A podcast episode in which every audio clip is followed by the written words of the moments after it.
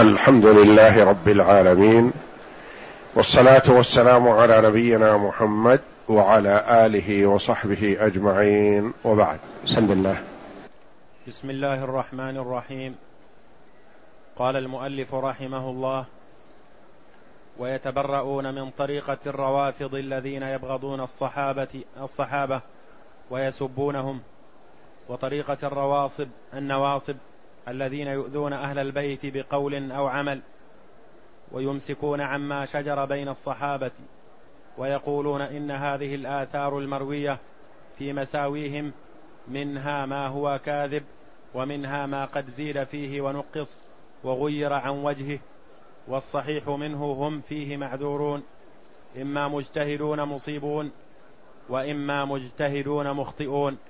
وهم مع ذلك لا يعتقدون أن كل واحد من الصحابة معصوم معصوم عن كبائر الإثم وصغائره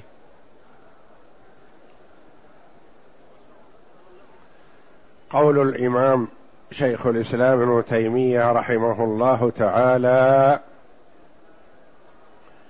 ويؤمنون بأنهن ويتولون أزواج رسول الله صلى الله عليه وسلم أمهات المؤمنين. عقيدة أهل السنة والجماعة تولي وموالاة زوجات النبي صلى الله عليه وسلم. وهن أمهات المؤمنين كما قال الله جل وعلا في كتابه النبي أولى بالمؤمنين من أنفسهم وأزواجه أمهاتهم. فهن رضي الله عنهن أمهات المؤمنين من حيث أنه يحرم على أي مؤمن تزوج أي واحدة منهن. ولهن التقدير والاحترام كالأمهات. لا في المحرمية فليسوا بمحارم لهن سوى محارمهن في النسب.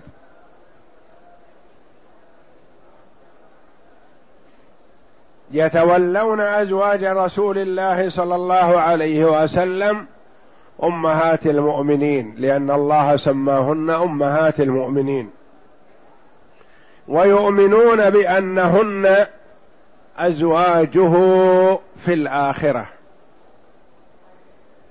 فهن أزواجه في الآخرة. فأزواجه في الدنيا هن أزواجه في الآخرة. وقد جاء أن الله جل وعلا زوج النبي صلى الله عليه وسلم في الجنة بآسيا امرأة فرعون وبمريم بنت عمران رضي الله عنهن. فيزاد في الزوجات وزوجاته في الدنيا زوجات له في الآخرة. والله جل وعلا يقول الذين يحملون العرش ومن حوله يسبحون بحمد ربهم ويؤمنون به ويستغفرون للذين آمنوا. ربنا وسعت كل شيء رحمة وعلما. فاغفر للذين تابوا واتبعوا سبيلك وقهم عذاب الجحيم. ربنا وأدخلهم جنات عدن التي وعدتهم ومن صلح من آبائهم وأزواجهم وذرياتهم فهن مشمولات بهذه الدعوة من الملائكة ومن حملة العرش ومن حوله. وذرياتهم إنك أنت العزيز الحكيم. فهن زوجاته بعد دخول الجنة وأدخلهم جنات عدن التي وعدتهم ومن صلح من آبائهم وأزواجهم وذرياتهم. خصوصا نعم خصوصا.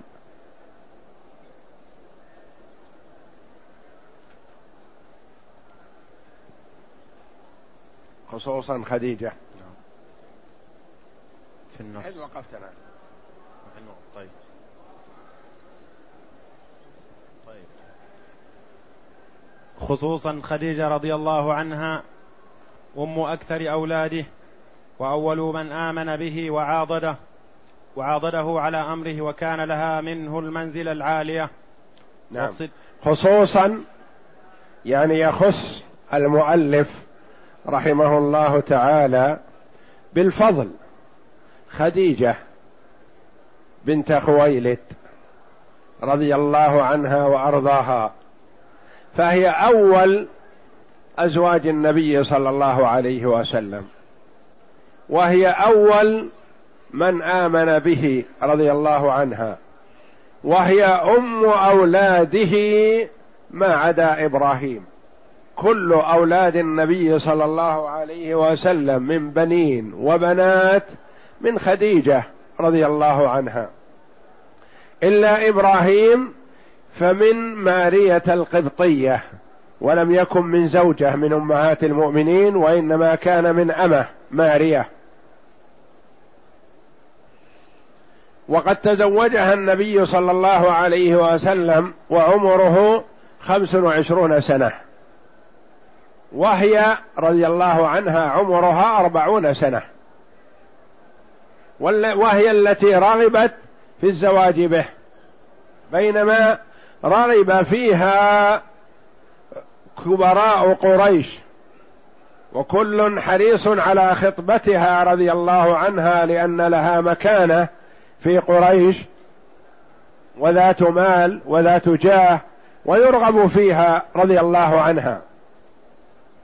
فتعتذر من خطابها.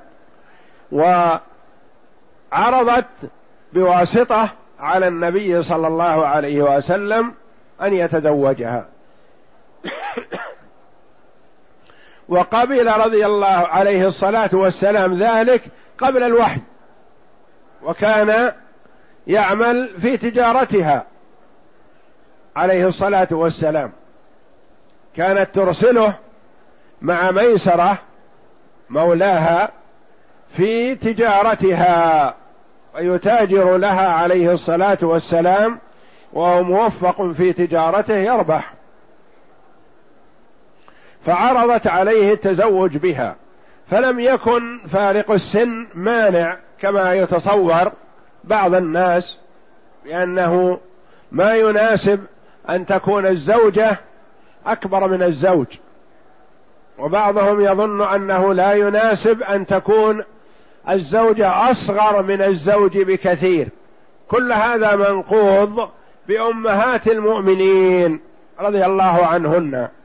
فخديجة حينما تزوجها النبي صلى الله عليه وسلم كان عمرها أربعون سنة وعمره خمس وعشرون سنة وكانت متزوجة من قبله بأكثر من زوج وهو عليه الصلاة والسلام لم يتزوج قبلها. فرزق أولاده كلهم منها سوى إبراهيم. وتقديرا لها عليه الصلاة والسلام لم يتزوج عليها حال حياتها.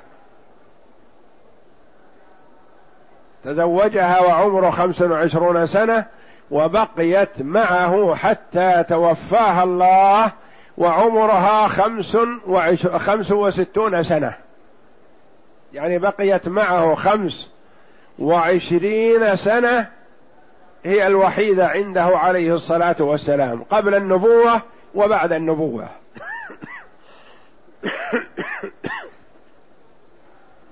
وكانت تواسي النبي صلى الله عليه وسلم بمالها وتونسه وتذهب عنه الكآبة.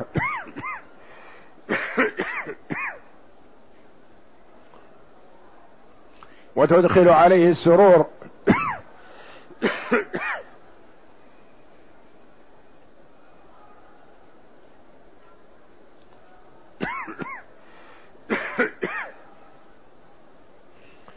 وواسته بمالها رضي الله عنه. رضي الله عنها. كانت غنية. وكثيرة المال وهو معدم ما عنده شيء. فواسته بمالها رضي الله عنها وأرضاها. فحفظ لها ذلك عليه الصلاة والسلام فلم يتزوج عليها إلا بعد ما توفيت تزوج بأمهات المؤمنين الأخريات. وليست المحبة فقط هي المانع من كونه يتزوج عليها كما يتصور بعض الناس مثلا أن الرجل إذا كان يحب زوجته فلا يتزوج عليها لا. كان يحب عائشة رضي الله عنها حبا كثيرا وجميع زوجاته أمهات المؤمنين كلهن بعد الزواج بعائشة سوى سودة رضي الله عنها. سودة تزوجها بعد وفاة خديجة وكانت عائشة صغيرة السن.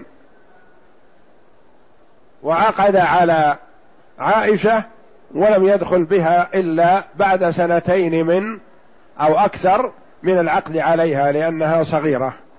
تزوجها وهي بنت ست سنين.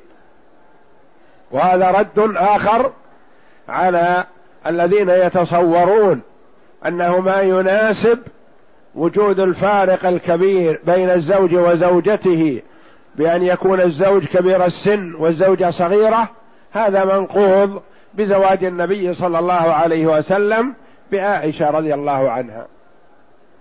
عائشة رضي الله عنها تزوجها النبي صلى الله عليه وسلم وعمرها ست سنوات. وعمره صلى الله عليه وسلم في حدود الخمسين سنة.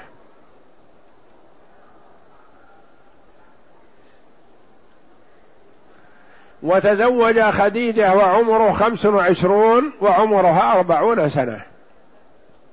فالمهم التفاهم بين الزوجين والتناسب بأن تكون مناسبة له وهو مناسب لها وتوجد القناعة بين الطرفين فإذا وجدت القناعة والرغبة في ذلك ففارق السن لا ينظر إليه سواء كان من قبل الزوج أكبر من الزوجة بكثير أو الزوجة أكبر من الزوج بكثير.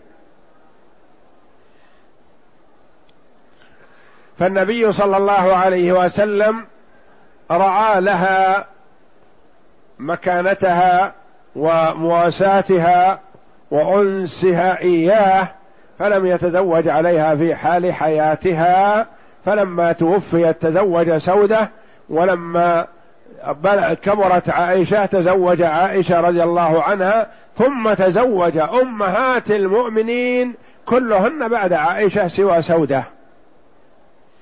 وسئل صلى الله عليه وسلم من أحب الناس إليك؟ قال عائشة قيل من الرجال قال أبوها. فالحب وحده لا يمنع من تعدد الزوجات. نعم.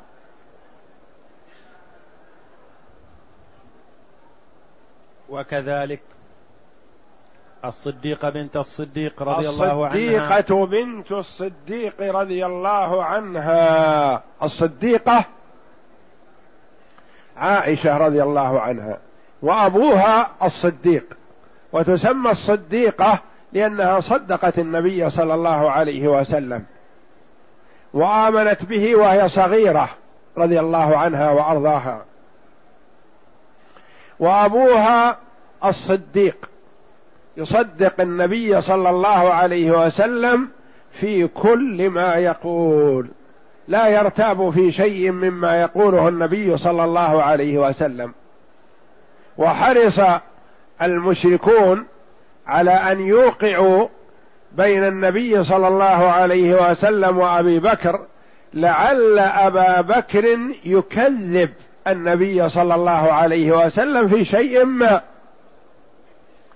لما أصبح النبي صلى الله عليه وسلم ليلة الإسراء والمعراج أخبر من حوله من كفار قريش بأنه أسري به إلى بيت المقدس وصلى هناك وعرج به إلى السماوات العلى واستفتح أبواب السماء ودخلها صلى الله عليه وسلم سماء سماء وتقدم علوا حتى توقف جبريل. قال هذا منتهاي. تقدم على جبريل عليه الصلاة والسلام وارتفع إلى ربه جل وعلا. فحينما قال هذا القول عليه الصلاة والسلام وهو لا ينطق عن الهوى سارع بعض الكفار إلى أبي بكر. قالوا له صاحبك يزعم أنه ذهب البارحه إلى بيت المقدس وصلى فيه وعرج به إلى السماوات. هل يعقل هذا هذا الكذب؟ لأن بيت المقدس من مكة إلى بيت المقدس شهر للرواحل وشهر عودة شهران وهو أمضاها في بعض الليل عليه الصلاة والسلام. ماذا قال أبو بكر رضي الله عنه؟ قال إن كان قاله فقد صدق رضي الله عنه وأرضاه. إن كان قال يعني ما يدري أبو بكر هل قاله النبي صلى الله عليه وسلم أو لا. يمكن أنهم يكذبون. قال إن كان قاله فقد صدق. أنا اصدقه فيما هو أبعد من هذا. ينزل الوحي عليه من السماء في لحظات. من يومها سمي أبو بكر رضي الله عنه بالصديق لأنه مصدق للنبي صلى الله عليه وسلم في كل ما يقول.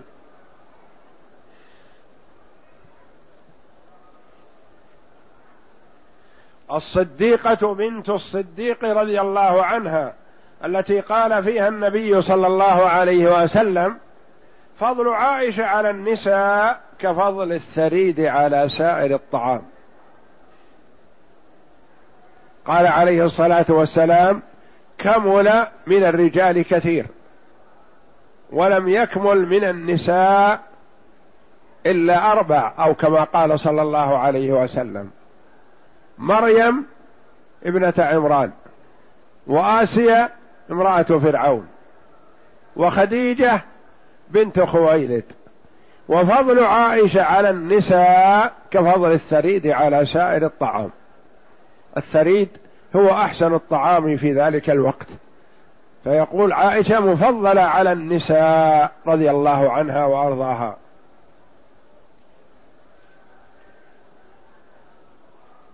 نعم. ويتبرؤون.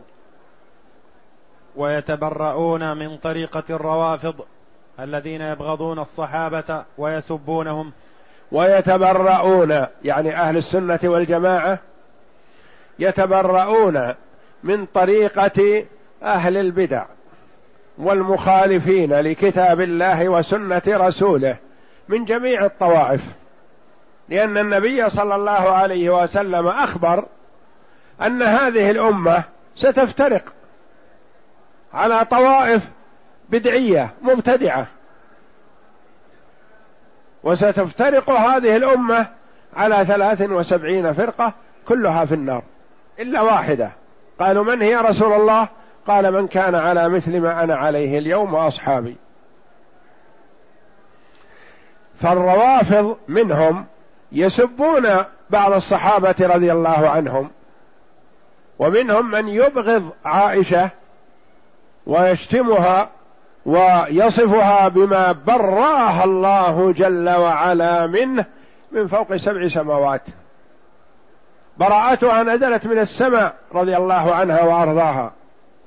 حينما تكلم المنافقون في الإفك اتهموها بما هي بريئة منه وكثر الكلام وهجرها النبي صلى الله عليه وسلم وقتا وتأثرت رضي الله عنها وتأثر أبوها وتأثرت أمها وتأثر لهذا كثير من الصحابة رضي الله عنهم.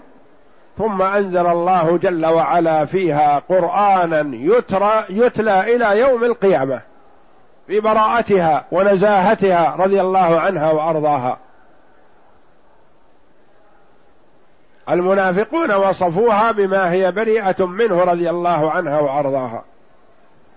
وبعض الروافض يسبونها ويتعرضون لها لأنها ربما كان بينها وبين علي رضي الله عنه بعض الشيء وسبق أن قلنا إننا لا ينبغي لنا أن نتعرض أو نخوض فيما دار بين الصحابة لأنهم دار ما دار بينهم عن اجتهاد رضي الله عنهم. فهم ما تعمدوا الخطأ وإن أخطأوا فهم ما تعمدوا الخطأ. ولا ينبغي لنا أن نخوض فيما دار بينهم وإنما نترضى عنهم. فبعض الفرق أبغضوا عائشة وتكلموا فيها بما هي بريئة منه رضي الله عنها وأرضاها. وأهل السنة والجماعة يوالون أمهات المؤمنين كلهن ويترضون عنهن ويؤمنون بأنهن أزواجه صلى الله عليه وسلم بالجنة. قال رحمه الله ويتبرؤون من طريقة الروافض الذين يبغضون الصحابة ويسبونهم. منهم من يسب أبا بكر وعمر رضي الله عنه وهم أفضل الأمة بعد نبيها. عمر علي رضي الله عنه على المنبر في منبر الكوفة في محل أشياعه وأتباعه رضي الله عنه وأرضاه. لما سئل من أفضل هذه الأمة بعد نبيها قال أبا بكر. قيل ثم من؟ قال عمر رضي الله عنه وأرضاه. قال له ولده ثم أنت؟ قال إنما أنا فرد من أفراد المسلمين رضي الله عنه وأرضاه.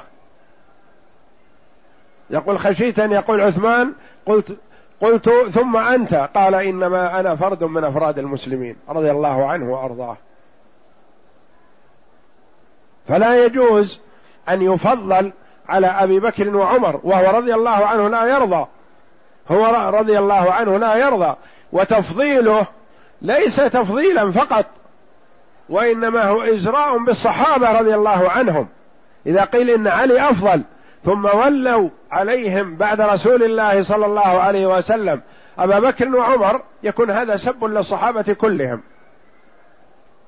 فما اجتهد فيه الصحابة فهو حق. وهم مأجورون عليه ومثابون عليه ولا تجتمع الصحابة رضي الله عنهم على ضلالة لقوله صلى الله عليه وسلم لا تجتمع أمتي على ضلالة. والصحابة رضي الله عنهم اجتمعوا على أبي بكر رضي الله عنه ثم على عمر بعده ثم على عثمان ثم على علي رضي الله عن الجميع وأرضاهم. فهم يتبرؤون من طريقة أهل البدع كلهم. كل صاحب بدعة أهل السنة والجماعة يتبرؤون منهم. لأن النبي صلى الله عليه وسلم قال عليكم بسنتي وسنة الخلفاء الراشدين من بعدي. تمسكوا بها وعضوا عليها بالنواجد وإياكم ومحدثات الأمور فإن كل بدعة ضلالة. نعم. وطريقة النواصب الذين يؤذون أهل البيت بقول أو عمل. ومن طريقة النواصب النواصب بعكس الشيعة. والرافضة. الشيعة والرافضة بعضهم يغلو في أهل البيت. ومحبة أهل البيت كما تقدم لنا أمس واجبة. والله لا والذي نفسي بيده لا يؤمنون حتى يحبوكم لله ولقرابتي فمحبة أهل البيت مسلمهم واجبة. الشيعة زادوا هذه المحبة. تجاوزوا الحد. في المحبة قابلهم بالضد النواصب. أخذوا بعضهم يلعنون أهل البيت والعياذ بالله ويسبونهم. قابلوا البدعة ببدعة أسوأ منها. يعني ابتدعت الشيعة فابتدعت النواصب بدعة مقابلة لهم. وأهل السنة والجماعة وسط بين الطائفتين.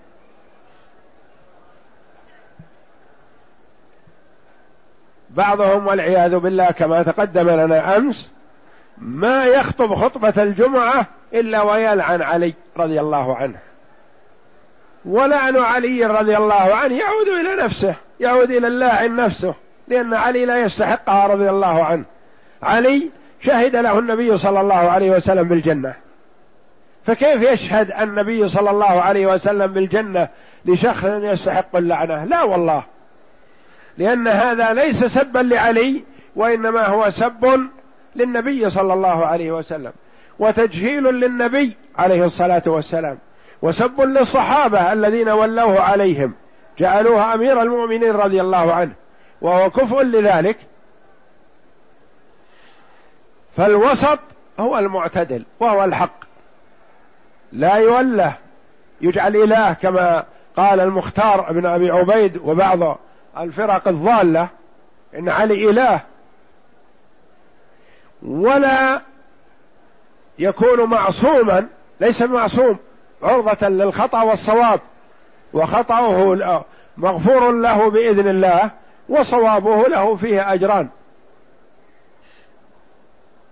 ولا يستحق أن يسب أو يتعرض له بسوء رضي الله عنه فهو رابع الخلفاء الراشدين الذين أمرنا النبي صلى الله عليه وسلم بأن نقتدي بهم ونأخذ بسنتهم ونعض عليها بالنواجذ.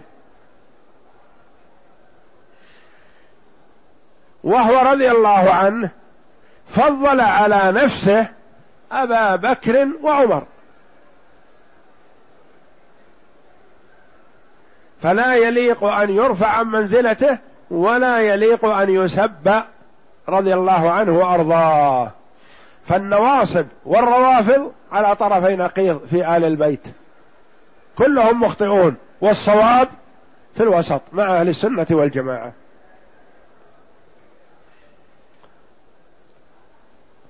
نعم. ويمسكون عما شجر بين الصحابة. كان يسب رضي الله عنه على المنبر حتى تولى الأمر عمر بن عبد العزيز رضي الله عنه وأرضاه ورحمه فمنع سب علي رضي الله عنه. أنه ما يستحق السب رضي الله عنه وأرضاه. وسابه سابا لنفسه. يعود السب عليه يعود اللعن عليه. كيف تلعن شخص شهد له النبي صلى الله عليه وسلم بالجنة؟ واختاره المسلمون أميرا للمؤمنين رضي الله عنه. نعم. ويمسكون عما شجر بين الصحابة. ويمسكون عما شجر بين الصحابة. الصحابة رضي الله عنهم بعد وفاة النبي صلى الله عليه وسلم وبعد خلافة أبي بكر وخلافة عمر صار في فتنة. أدت هذه الفتنة إلى مقتل عثمان رضي الله عنه. ثم بعد مقتل عثمان حصل خلاف. بين الصحابة في ولاية الأمر. وحصل خلاف بين علي رضي الله عنه ومعاوية رضي الله عنه وكلهم من الصحابة. فأهل السنة والجماعة يمسكون عما حصل وشجر ووجد بين الصحابة. ما يتعرضون لأحد منهم بالسب والعيب. ويقول هذا مخطئ وهذا كذا. وإنما يترضون عنهم ويترحمون عليهم ويرجون لهم من الله الرضا والمغفرة والرحمة. والصواب واحد ما يتعدد. فإذا أصاب أحدهم فالآخر على شيء من الخطأ مقل ومستكثر. وعرفنا أمس أن الصحابة رضي الله عنهم ليسوا معصومين من الخطأ. وهم معصومين العصمة للرسل فقط.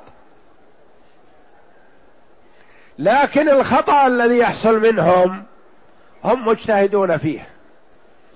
يعني إيماننا بهم وظننا فيهم أنهم ما يخطئون خطأ متعمدا رضي الله عنهم وإنما عن اجتهاد. والمجتهد قد يخطئ. ثم إذا كان اجتهد فأخطأ فله أجر. وإذا اجتهد فأصاب فله أجران.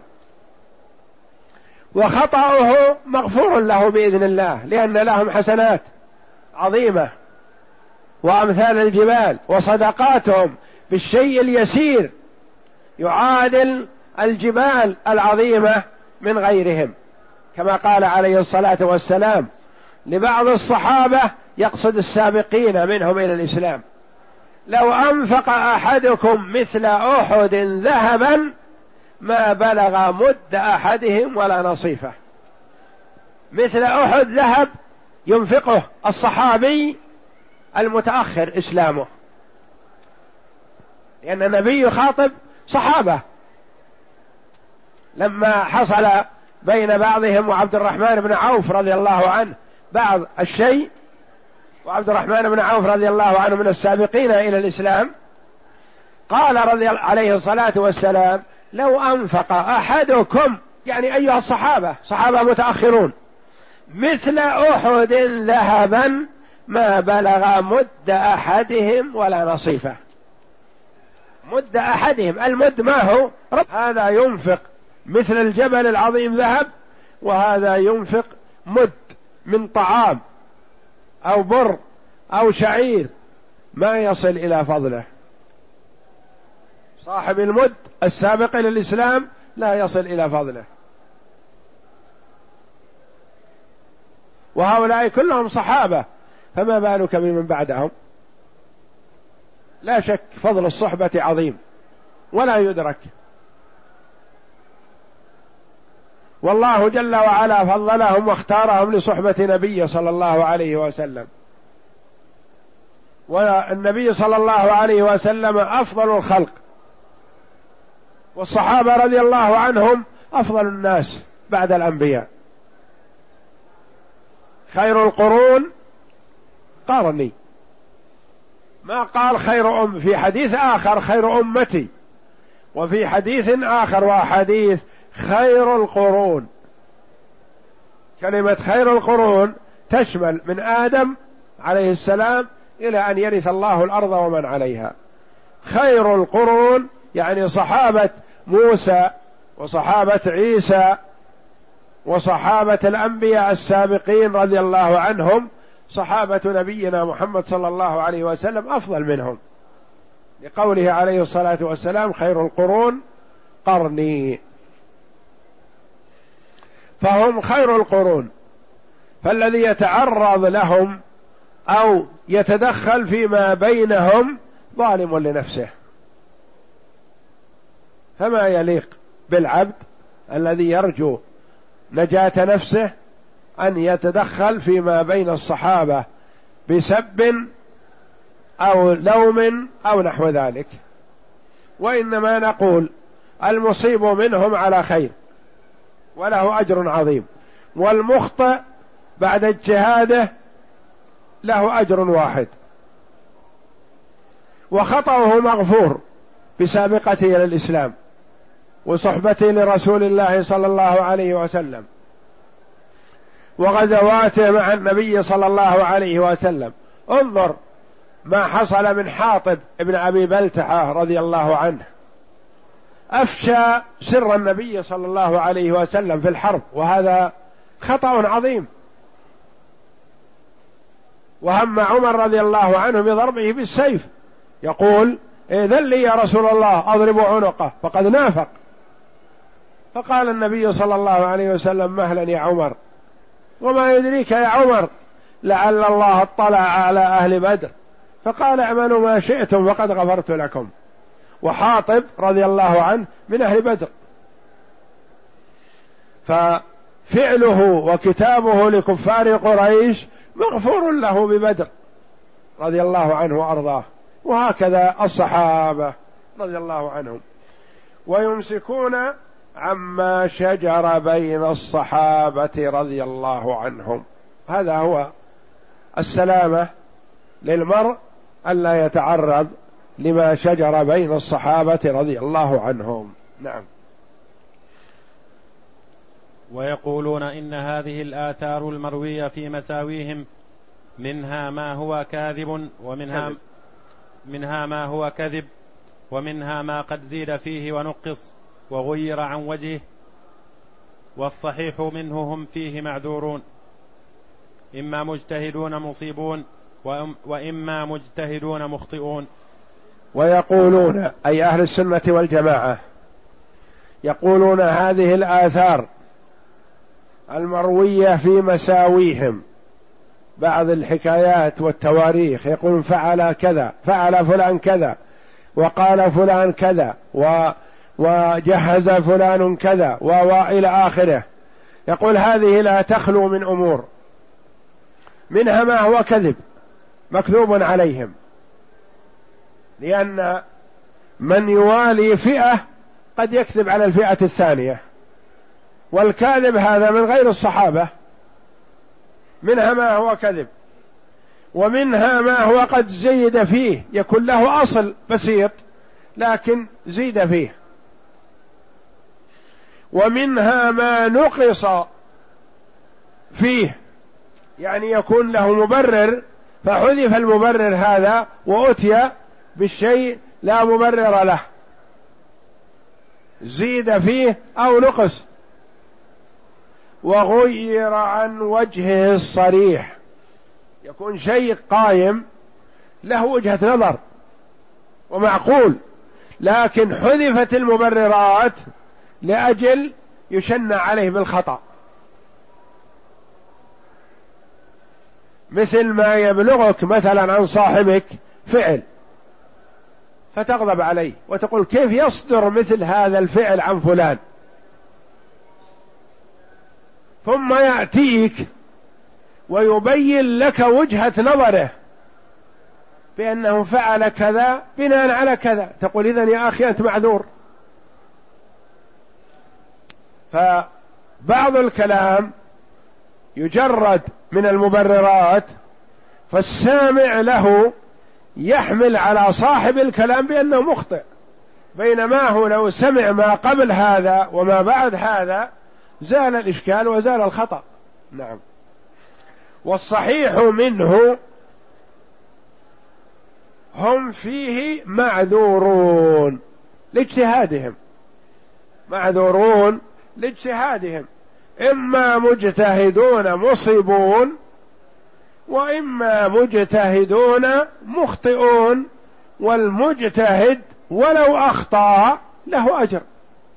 كما قال عليه الصلاة والسلام إذا اجتهد الحاكم فاجت... فأصاب فله أجران.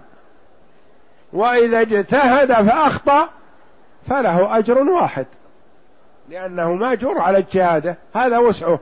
نعم. وهم مع ذلك لا يعتقدون أن كل واحد من الصحابة معصوم عن كبائر الإثم وصغائره. وهم أي أهل السنة والجماعة لا يعتقدون أن كل واحد من الصحابة معصوم من كبائر الإثم والصغائر. ما يقولون الصحابة معصومون؟ لا. العصمة للرسل. قد يصدر منهم الخطأ ثم هذا الخطأ قد يتوب منه.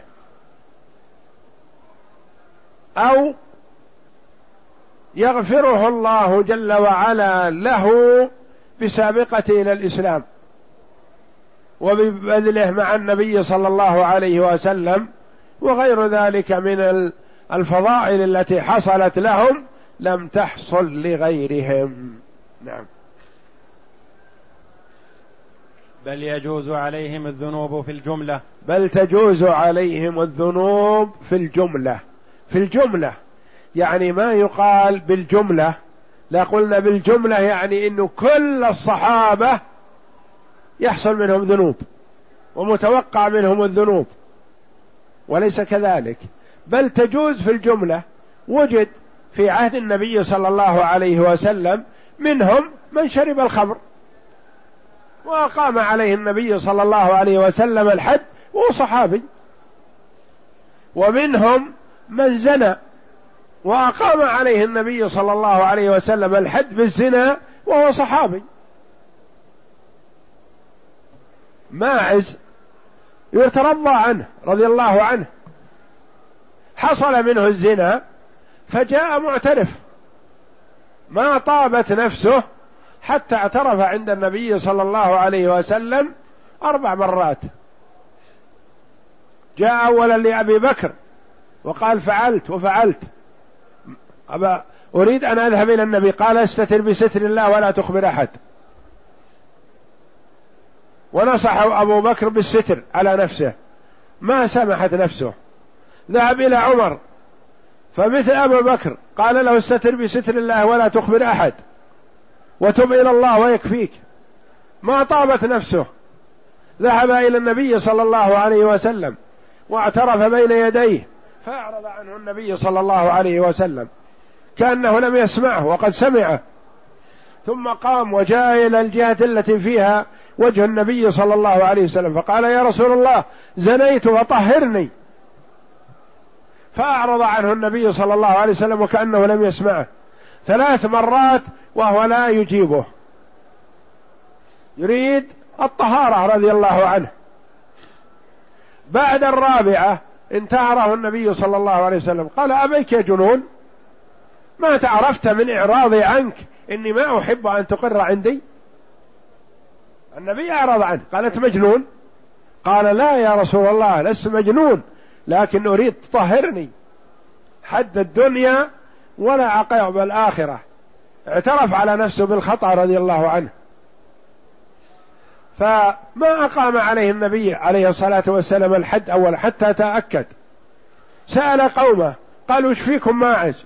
قالوا من أفضلنا. رجل عاقل قال مجنون ينتاب شيء يعترض شيء قالوا أبدا رجل سليم.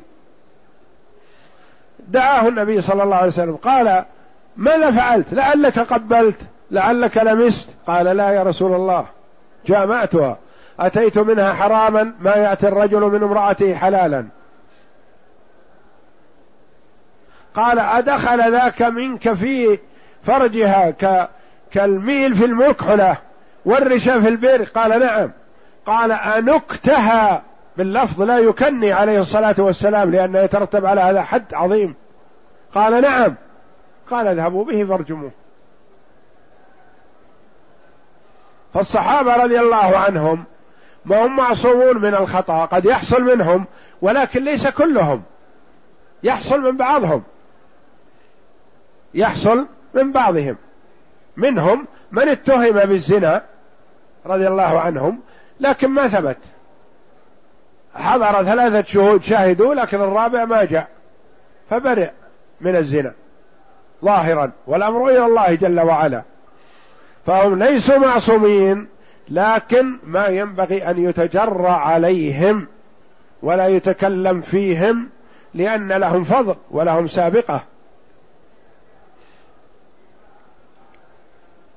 بل تجوز عليهم الذنوب في الجملة. يعني منهم من حصل منه شيء من ذلك. ولما شتم هذا الذي يشرب الخمر وقد أقام عليه النبي صلى الله عليه وسلم الحد وهو صحابي قال النبي صلى الله عليه وسلم للشاتم لا تعينوا عليه الشيطان ادعوا له بالهداية. والآخر قال له ما علمته إلا يحب الله ورسوله. مع كون شرب الخمر أنا الرسول عليه الصلاة والسلام يشهد له بالإيمان إنه يحب الله ورسوله. لكن حصل منه خطأ أخطأ. بل تجوز عليهم الذنوب في الجملة. نعم ولهم. ولهم من السوابق والفضائل ما يوجب مغفرة ما يصدر منهم إن صدر. يعني إن صدر منهم شيء فسابقتهم وجهادهم مع النبي صلى الله عليه وسلم سبب لمغفرة ذنوبهم. نعم. حتى حتى حتى أنهم يغفر لهم من السيئات ما لا يغفر لمن بعدهم. لأن يعني يغفر لهم ما لا يغفر لمن بعدهم حتى في حال الدنيا. يعني ما رأيك لو صدر الكتاب هذا كتاب اللي بعث حاطب رضي الله عنه إلى كفار قريش لو صدر من غير الصحابة في زمن أبي بكر أو زمن عمر هل يدعونه؟ لا يعاقبونه. لأنه عبارة أفشى سر المسلمين إلى أعدائهم. ما يترك. لكن النبي صلى الله عليه وسلم حتى عمر قال أضرب عنقه. يعني يستحق أن يضرب عنقه. لو لم يكن من الصحابة. قال يا عمر مهلا. وما يدريك لعل الله اطلع على أهل بدر. وهذا حاطب من أهل بدر. اطلع على أهل بدر. فقال اعملوا ما شئتم وقد غفرت لكم. وأهل بيعة الرضوان لهم فضل عظيم. وأصحاب المغازي مع النبي صلى الله عليه وسلم والسرايا لهم فضل عظيم. ما ينال غيرهم. نعم. لأن لهم من الحسنات التي تمحو السيئات ما ليس لمن بعدهم. نعم. وقد ثبت بقول رسول الله صلى الله عليه وسلم أنهم خير القرون. خير القرون. من آدم إلى أن يرث الله الأرض ومن عليها. نعم. وأن المد من أحدهم إذا تصدق به كان أفضل من جبل من جبل أحد. من جبل أحد من شعير أو مد من تمر يتصدق به صحابي من السابقين الأولين لو أنفق الذي بعده مثل أحد ذهب ما بلغه. دليل على أن الصدقة بحسب المتصدق. متصدق مثلا ما يملك إلا ريال وفي أمس الحاجة إليه ليشتري به قوتا لنفسه. فرأى فقيرا أحوج منه فأعطاه إياه. هذا فضله عظيم.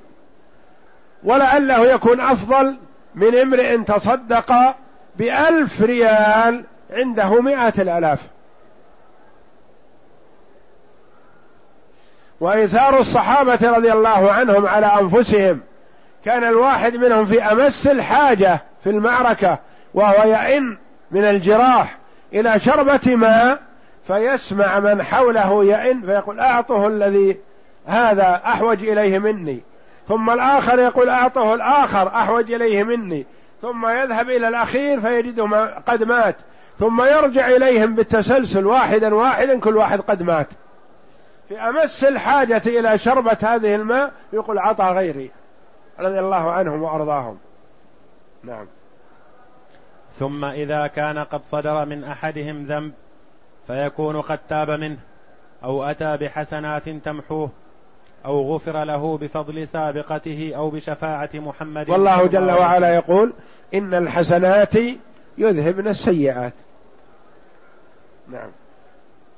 بشفاعة محمد صلى الله عليه وسلم. يعني يغفر له بشفاعة النبي صلى الله عليه وسلم يوم القيامة. فهو يشفع لأمته يا ترى من أحق الناس بشفاعته؟ أحق الناس بشفاعته صحابته رضي الله عنهم. هم أحق الناس مع أن شفاعته تعم لكن الأولى بها والأقرب إليها لا شك صحابة رضي الله عنهم. نعم. الذي هم أحق الناس بشفاعته أو ابتلي ببلاء في الدنيا كفر به عنه. ابتلي ببلاء في الدنيا مرض أو فقر كفر الله به عنه خطاياه. نعم. فإذا كان هذا في الذنوب المحققة فكيف الأمور التي كانوا فيها مجتهدين؟ إن أصابوا فلهم أجران وإن أخطأوا فلهم أجر واحد والخطأ مغفور. هذا كلام المؤلف رحمه الله إعذارا للصحابة وبيان بأن لهم عذر. ولا يجوز للمسلم الحريص على دينه أن يتعرضهم بسب. ومع هذا مع هذا الكلام الواضح الجلي رحمه الله في التماس العذر للصحابة و تبرئتهم من الخطأ ما سلم المؤلف رحمه الله. كثير من أهل الشر يقول شيخ الإسلام يقول ابن تيمية ضد الصحابة. ما يحب الصحابة. يعني الناس إذا أبغضوا شخص مثلا لتمسك بالسنة بدأوا يرمونه بما هم واقعون فيه وهو بريء منه. يأخذون عيوبهم ويلصقونها بغيرهم. وإلا فهو أحد أئمة السنة رضي الله عنه وأرضاه. نعم. ثم إن القدر الذي ينكر من فعل بعضهم قليل نزر مغفور في جنب فضائل القوم ومحاسنهم من الإيمان بالله ورسوله والجهاد في سبيله والهجرة والنصرة والعلم النافع والعمل الصالح يعني كل هذه أعذار كل هذه سبب لمغفرة ذنوب من حصل منهم على شيء من الذنوب. ومن نظر في سيرة القوم بعلم وبصيرة وما من الله عليهم به من الفضائل علم يقينا أنهم خير الخلق بعد الأنبياء. هم خير الخلق بعد الأنبياء خير القرون. نعم. لا كان ولا يكون مثلهم وأنهم الصفوة من قرون هذه الأمة التي هم هي الصفوة يعني الخيار من قرون هذه الأمة. أفضل الأمة. بعد نبيها صحابة رضي الله عنهم. نعم. الصفوة من قرون هذه الأمة التي هي خير الأمم وأكرمها على الله. وهم أكرم الخلق على الله لأن الله جل وعلا اختارهم لصحبة نبيه صلى الله عليه وسلم. ولا يختار الله جل وعلا لصحبة خير خلقه إلا الخيار. والله أعلم. وصلى الله وسلم وبارك على عبده ورسول نبينا محمد وعلى آله وصحبه أجمعين.